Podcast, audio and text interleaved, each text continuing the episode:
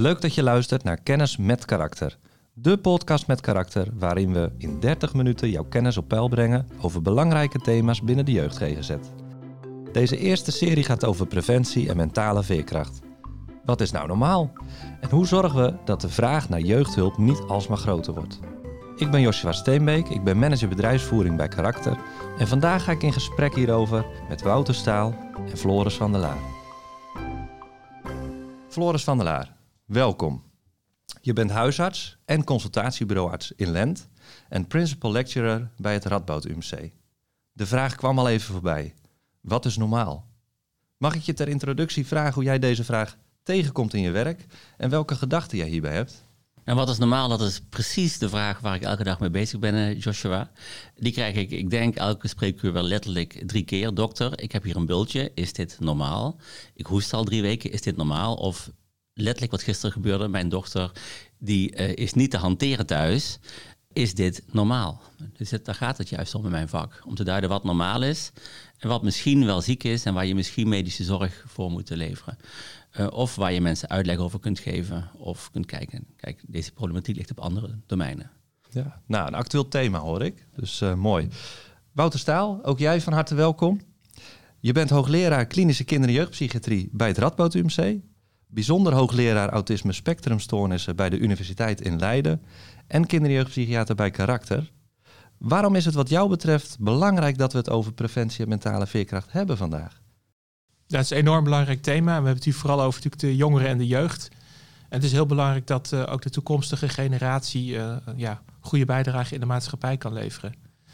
En er zijn grote zorgen over, omdat we zien dat de aantallen verwijzingen richting uh, de GGZ, de jeugd GGZ, uh, echt oplopen de laatste jaren. Dus dat is uh, een punt van zorg. En ja, daaraan toegevoegd, Nederland vergrijst zo langzamerhand. We zullen iedere jongere nodig hebben om dat op te vangen. Dus ook reden om het hier verder over te hebben. In deze podcast willen we antwoord geven op de vraag hoe consultatie in de eerste lijn vanuit de jeugd GGZ kan bijdragen aan preventie en mentale veerkracht. Daarover later meer. Hoe komt het eigenlijk dat kinderen en jongeren in Nederland zoveel zieker lijken te worden? Wouter, jij noemde net dat er steeds meer kinderen die jeugd nodig hebben. Worden we zieker in Nederland? Hoe zit dat? Ja, kijk, het is natuurlijk zo dat het, het uh, wij werken heel erg met een biopsychosociaal model. Dus wij kijken altijd welke factoren uh, spelen hier een rol. Die kunnen sociaal zijn, die kunnen biologisch zijn, psychologisch zijn. Het is moeilijk te voorstellen dat factoren die in aanleg zitten ineens veranderd zijn de afgelopen twintig jaar. Dat, dat vinden wij gewoon niet logisch. En dus zoeken wij het heel erg in dat sociale, psychologische domein. Dus zijn er nou dingen veranderd in de samenleving die maken dat die toestroom zo groot is? En dan kun je bijvoorbeeld denken aan ideeën over maakbaarheid van de jongeren. Dus het idee van wat er in de jongeren zit moet maximaal eruit komen, maar dat geeft ook weer stress bij jongeren. Je kunt ook denken aan uh, allerlei andere oorzaken. Wat horen jongeren zoal hè, de laatste tijd? En dat is uh, bijvoorbeeld het klimaat, wat een grote zorg is bij jongeren.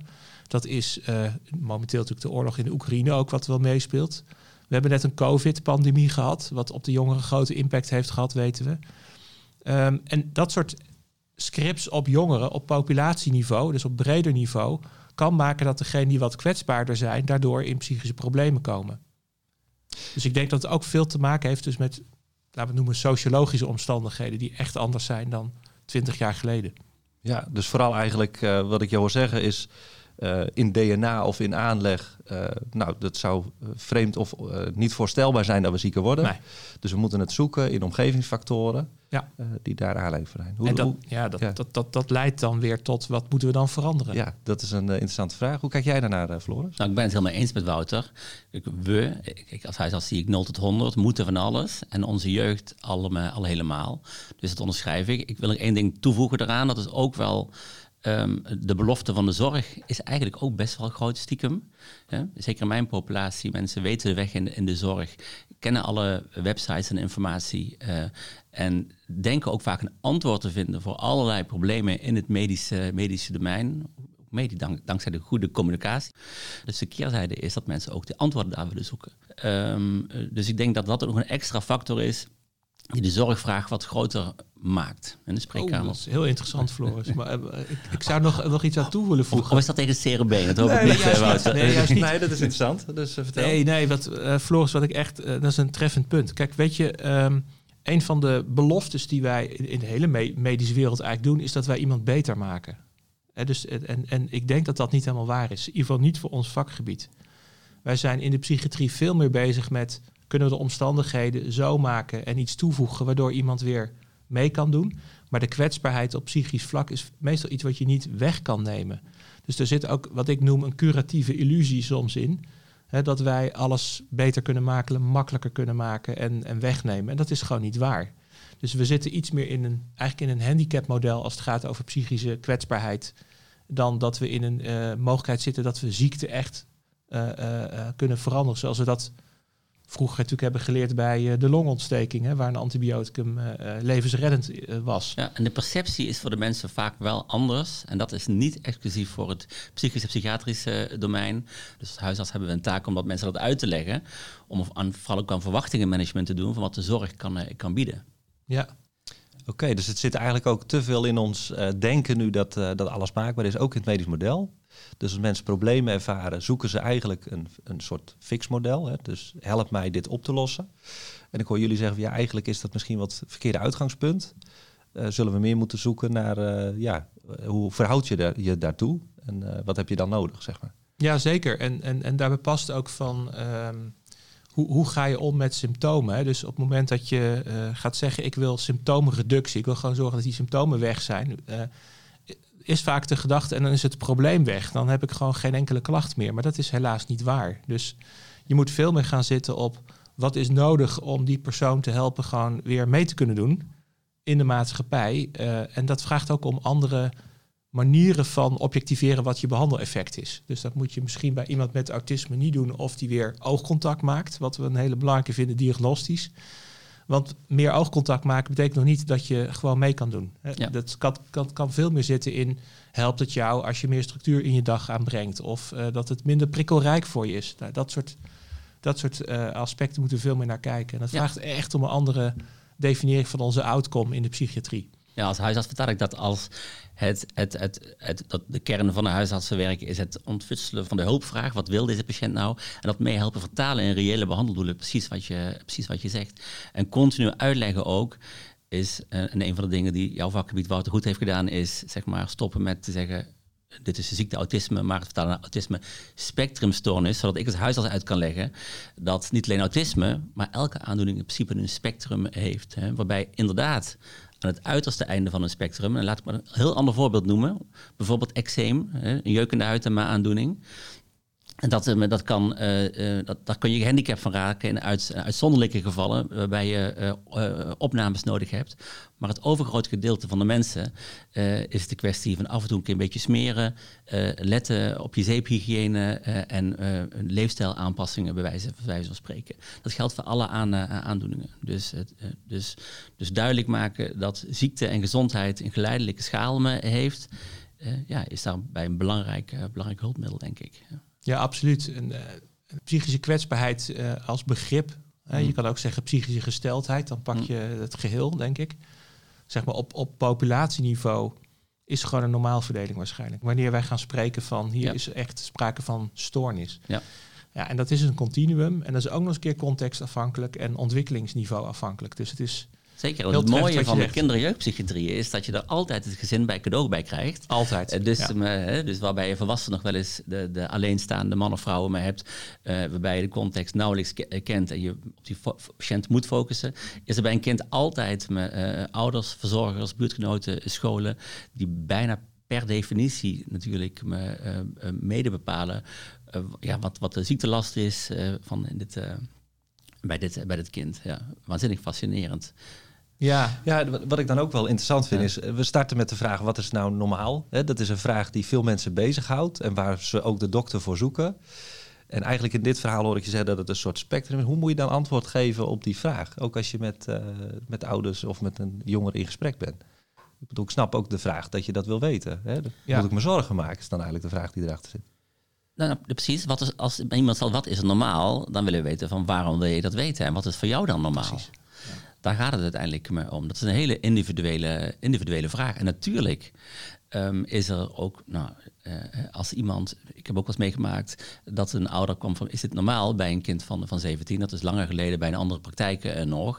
Uh, dat, dat, kind bleek hartstikke psychotisch met te zijn. Ja, dan treedt direct het medisch model in werking. En dan bel ik ja. met de crisisdienst en dan hoort er medicatie voorgeschreven ja. te worden.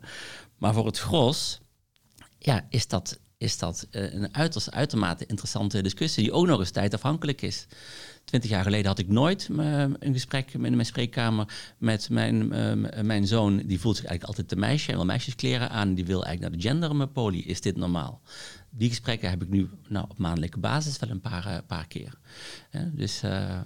Ik, ik, ik zou, als je in mijn vak theoretisch bekijkt, ik heb net gezegd, die kwetsbaarheid is een normaal verdeling, maar ook, ook onze symptomen verdelen zich altijd over populatieniveau. Hè? Dus je krijgt gewoon een soort mooi Gauss-curve.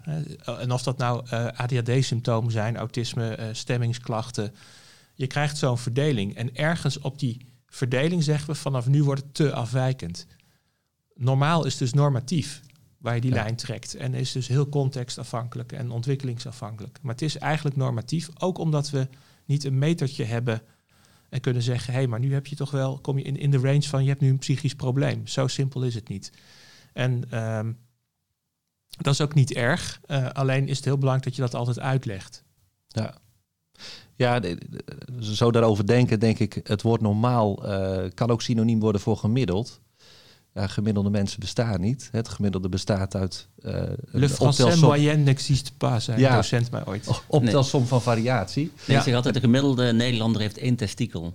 Vind, er zijn maar weinig gemiddelde Nederlanders. Nee. En één eierstok. Ja, ja, nee, daarom. Dus dat is ook niet te doen. En dan zeg je in dat gesprek, ga je eigenlijk ook kijken van... ja, uh, waar gaat het op een gegeven moment uh, uh, problemen opleveren in het dagelijks functioneren? En hoe kunnen we ondersteunen bij het functioneren weer op orde brengen? Ja. Ja. Ja, maar Joshua, het is ook een. Uh, uh, het is goed dat je dat nog even noemt, dat normaal, dat, dat, dat gemiddelde. Ik hoor die term normaliseren.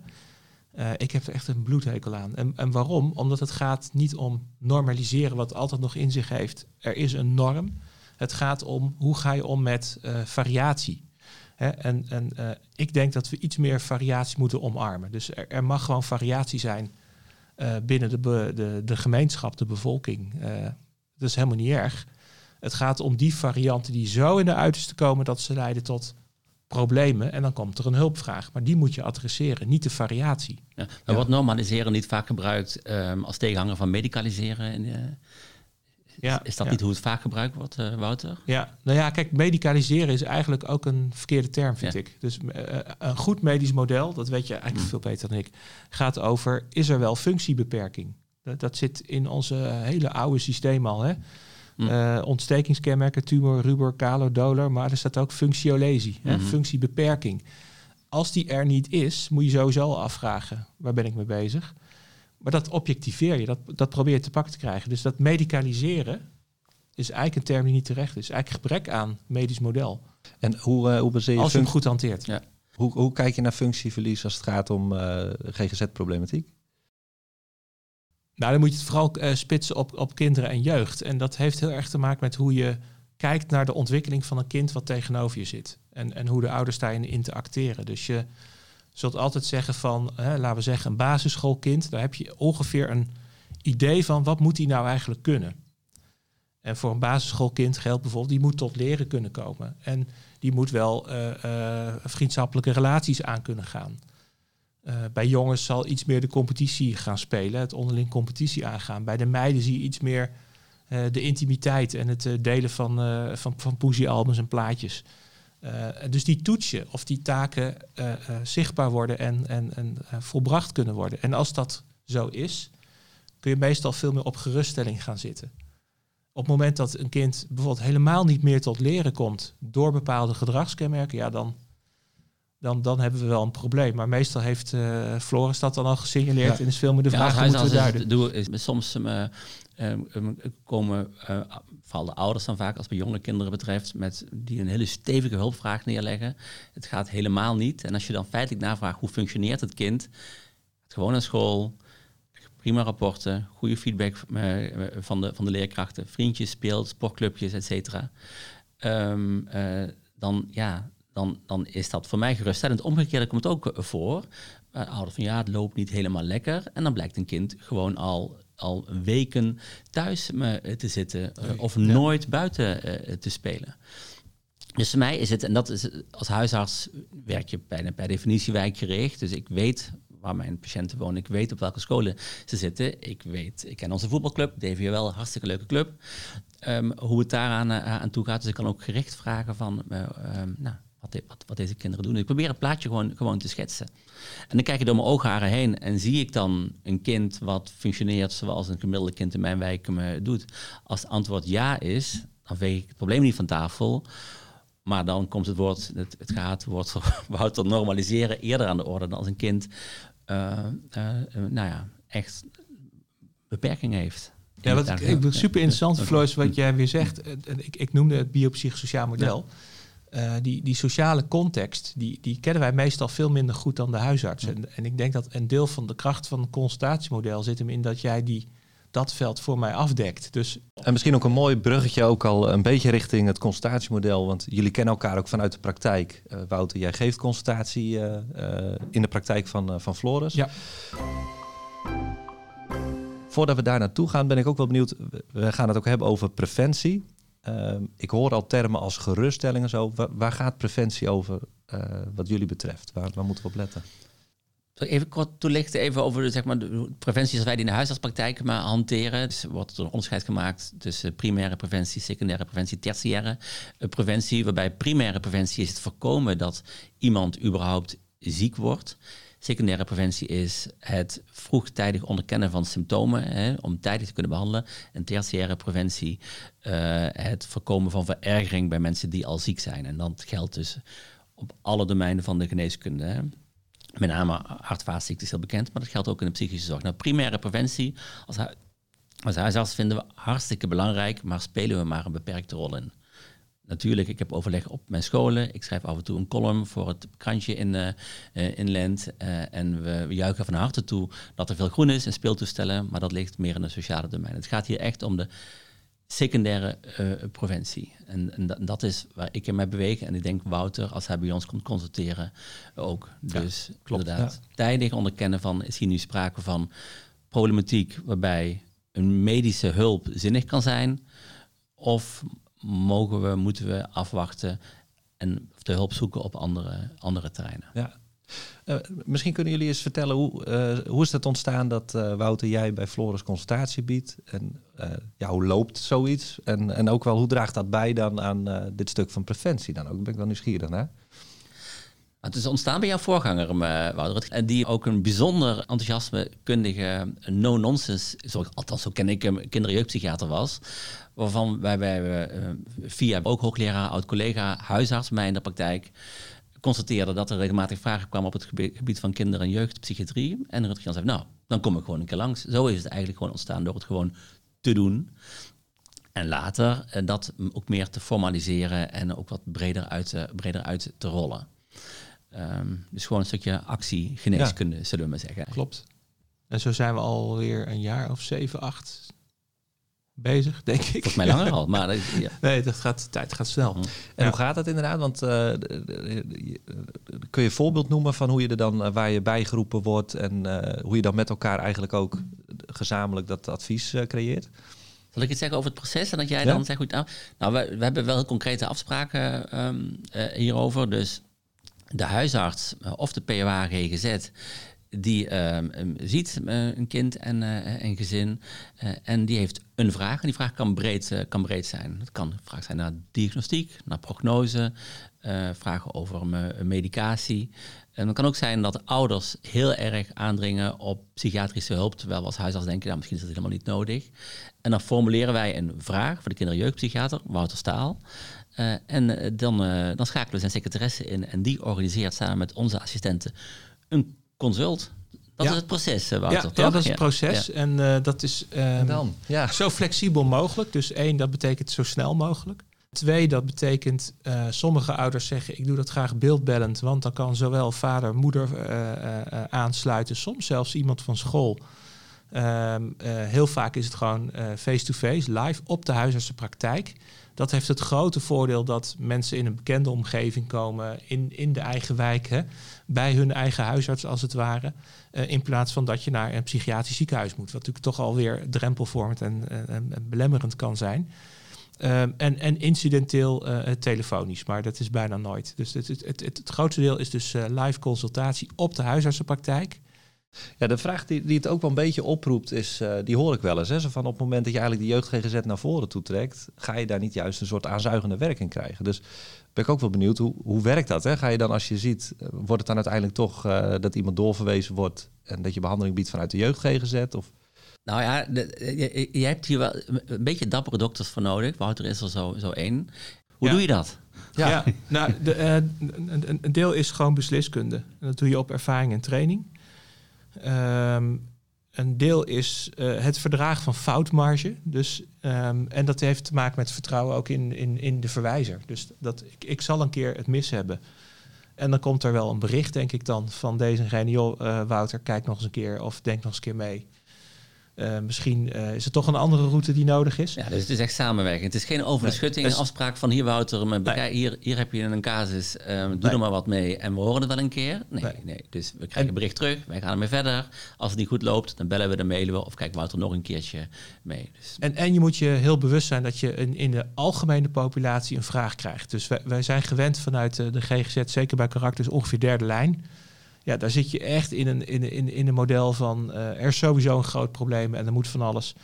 Uh, en ik realiseer me altijd heel goed van, ik kom hier in, in, in een brede populatie. Dat is ook, ook, vind ik ook een beetje de sport, zeg maar. Dus, dus je moet ook een beetje lol hebben hoor, als consulent. Van, hè, het, is een, het is topsport voor een, een kinderjeugdpsychiater, want die moet voor zijn gevoel in heel bekrappe tijd um, ja, tot de juiste ja. adviezen komen. En nou, dat vind ik leuk. Maar dat, dat gaat over ja, heel scherp uh, redeneerlijnen kunnen neerleggen, uh, uh, goede achtergrondkennis hebben. Hè, stel dat er een vraag komt, is er sprake van psychose bij deze meid van 13. Hè? Dan gaan in mijn hoofd al de radertjes draaien. Wat is de statistische kans dat een meid decompenseert psychotisch? Ja, die is kleiner dan bij jongens. Meestal op leeftijd 25. Nou, hè, dus dat zal onwaarschijnlijk zijn. Maar dan moet je wel de lef hebben om dat dan ook weg te strepen en te zoeken naar wat is er dan wel aan de hand. Dus ja. er gaan heel veel beslissingen heel snel. Ik kan me dat ook zeker voorstellen. Dat je ook weer vanuit de rapportage die terugkrijgt, ook je eigen uh, ja, aanscherping hebt weer op je werk. Hè? Dat je denkt, oh ja, dit kan ik de volgende keer meenemen. Of, uh, ja, absoluut. Nee, ja. je krijgt soms bevestiging, maar ook eye-openers terug. Me, uh, en dan word je denk ik een beter huisarts van. En daarnaast, ze weten ook, ja, patiënten waarderen het ontzettend um, dat, dit, dat dit gebeurt. Laat ze ook zien, ook nou ja, zeg maar, dat, uh, dat je als huisarts moet je niet pretenderen dat je alle wijsheid in pacht hebt. Um, dus dat je openstelt zeg maar, voor, voor adviezen van, van, van anderen. En daar ook wat mee, mee doet. Hè. Mensen voelen zich nog meer gehoord en, uh, en gezien. En zeker als het gaat over geruststelling. Ik kan tegen mensen zeggen van... Nou, ik denk niet dat uw kind een vorm van autisme heeft, bijvoorbeeld. Maar als Wouter dat zegt, ja, dat maakt wel gewoon meer meer impact. Dat kan ik en ik weet ook zeker dat als ik het bij het verkeerde eind heb, dat hij het ook zal zeggen. Hè? Dat zeg ik er ja. ook wel bij natuurlijk. Hè? Dus dat is natuurlijk wel, het is niet zo van een doekje voor bloeden. Nee, eerlijke, eerlijk aantal mensen voelen dat, voelen dat gewoon. Zet je dat ook bewust in? Ik bedoel, ik kan me voorstellen dat als we het over preventie hebben, dat een stuk geruststelling en mensen perspectief meegeven van hè, dit, is, dit mag je ook verwachten in de normale ontwikkeling. En Jazeker. Dat, dat dat ook heel erg bijdraagt aan preventie. Nou, wat uh, dat, uh, plus dat het ongelooflijk belangrijk is om, als je de kans hebt, om te zeggen, ja, er zijn misschien problemen. Maar ik heb toch het gevoel, even vanuit expertise en, en, en uh, hoeveel patiënten ik zo langzamerhand gezien heb, dat uw kind zijn plekje wel vindt. Dat geeft zoveel uh, uh, geruststelling bij ouders vaak, dat je, je ziet de opluchting gewoon voor je neus verschijnen. En dat wil niet zeggen dat het eenvoudig is. Um, ook als er sprake is van, uh, van, van forse psychische klachten uh, bij een kind, kun je dat toch nog vaak wel zeggen. Heel vaak in de puberdynamiek zien wij uh, dat ouders het ja, stressvol vinden. en daar wat uitleg over geven. Hè. Dus eigenlijk een vorm van preventie. Dat je zegt van ja, god, het is heel vervelend voor jullie. maar deze fase is wel bereikt. Dus dat is eigenlijk goed. Hè. Je, ja. je, bent in de puberteit ja. gekomen. Dus nou, dat is wel even aan de bak. Is moeilijk. Maar dat leidt uiteindelijk tot volwassen gedrag. En dan maak ik meestal de grap, maar ja, dan gaan ze wel uit huis. Dus hè, dat, Ja, ja, ja, dat is even het sneuien. Maar daar zitten allerlei geruststellingen in. Eigenlijk zeg je daarin, eh, eh, eh, door de bank genomen, uw kind gaat wel eh, eh, meedoen later. Ja, ja. En als dat niet kan, moet je sowieso vaak toch richting eh, opschalen naar wel naar de psychiatrie. Ja. En dan gaat het over veel intensiever. Maar eh, het grotendeels kun je geruststellen. ja. Toch? En, en gebeurt het vaak dat je toch nog wel doorverwijst? Eh, Toch Ja, ook wel, hoor. Ook ja? wel, ja. dus het is ook niet eh, een wondermodel van nou, zet, zet een psychiater meer aan de voorkant en we hebben de GGZ minder nodig. Ja, minder wel misschien, maar Nou, ik ben natuurlijk zelf van de GGZ. Dus, dus wat je veel meer ziet, is die. eh, eh, is, ja, of is de dat je- doorverwijzing bedoel ik. Hè? Dus dat je, ja, het gaat eigenlijk veel meer om, om, om kennis tijdig aanbrengen. ja, En voor een goede, want we hebben nu over verwijzen naar de GGZ, basis GGZ, SGGZ. We hebben natuurlijk meer mogelijkheden in de eerste lijn. Hè? We hebben natuurlijk een goede samenwerking met de buurteams. Zo is het. Ehm, die hem, ehm, ehm, waarbij we ook heel prettig samen kunnen werken. En die ook hulp kunnen bieden zonder dat per se in een psychiatrisch model te doen. Eh, we hebben in een land ook kinderoefentherapeuten.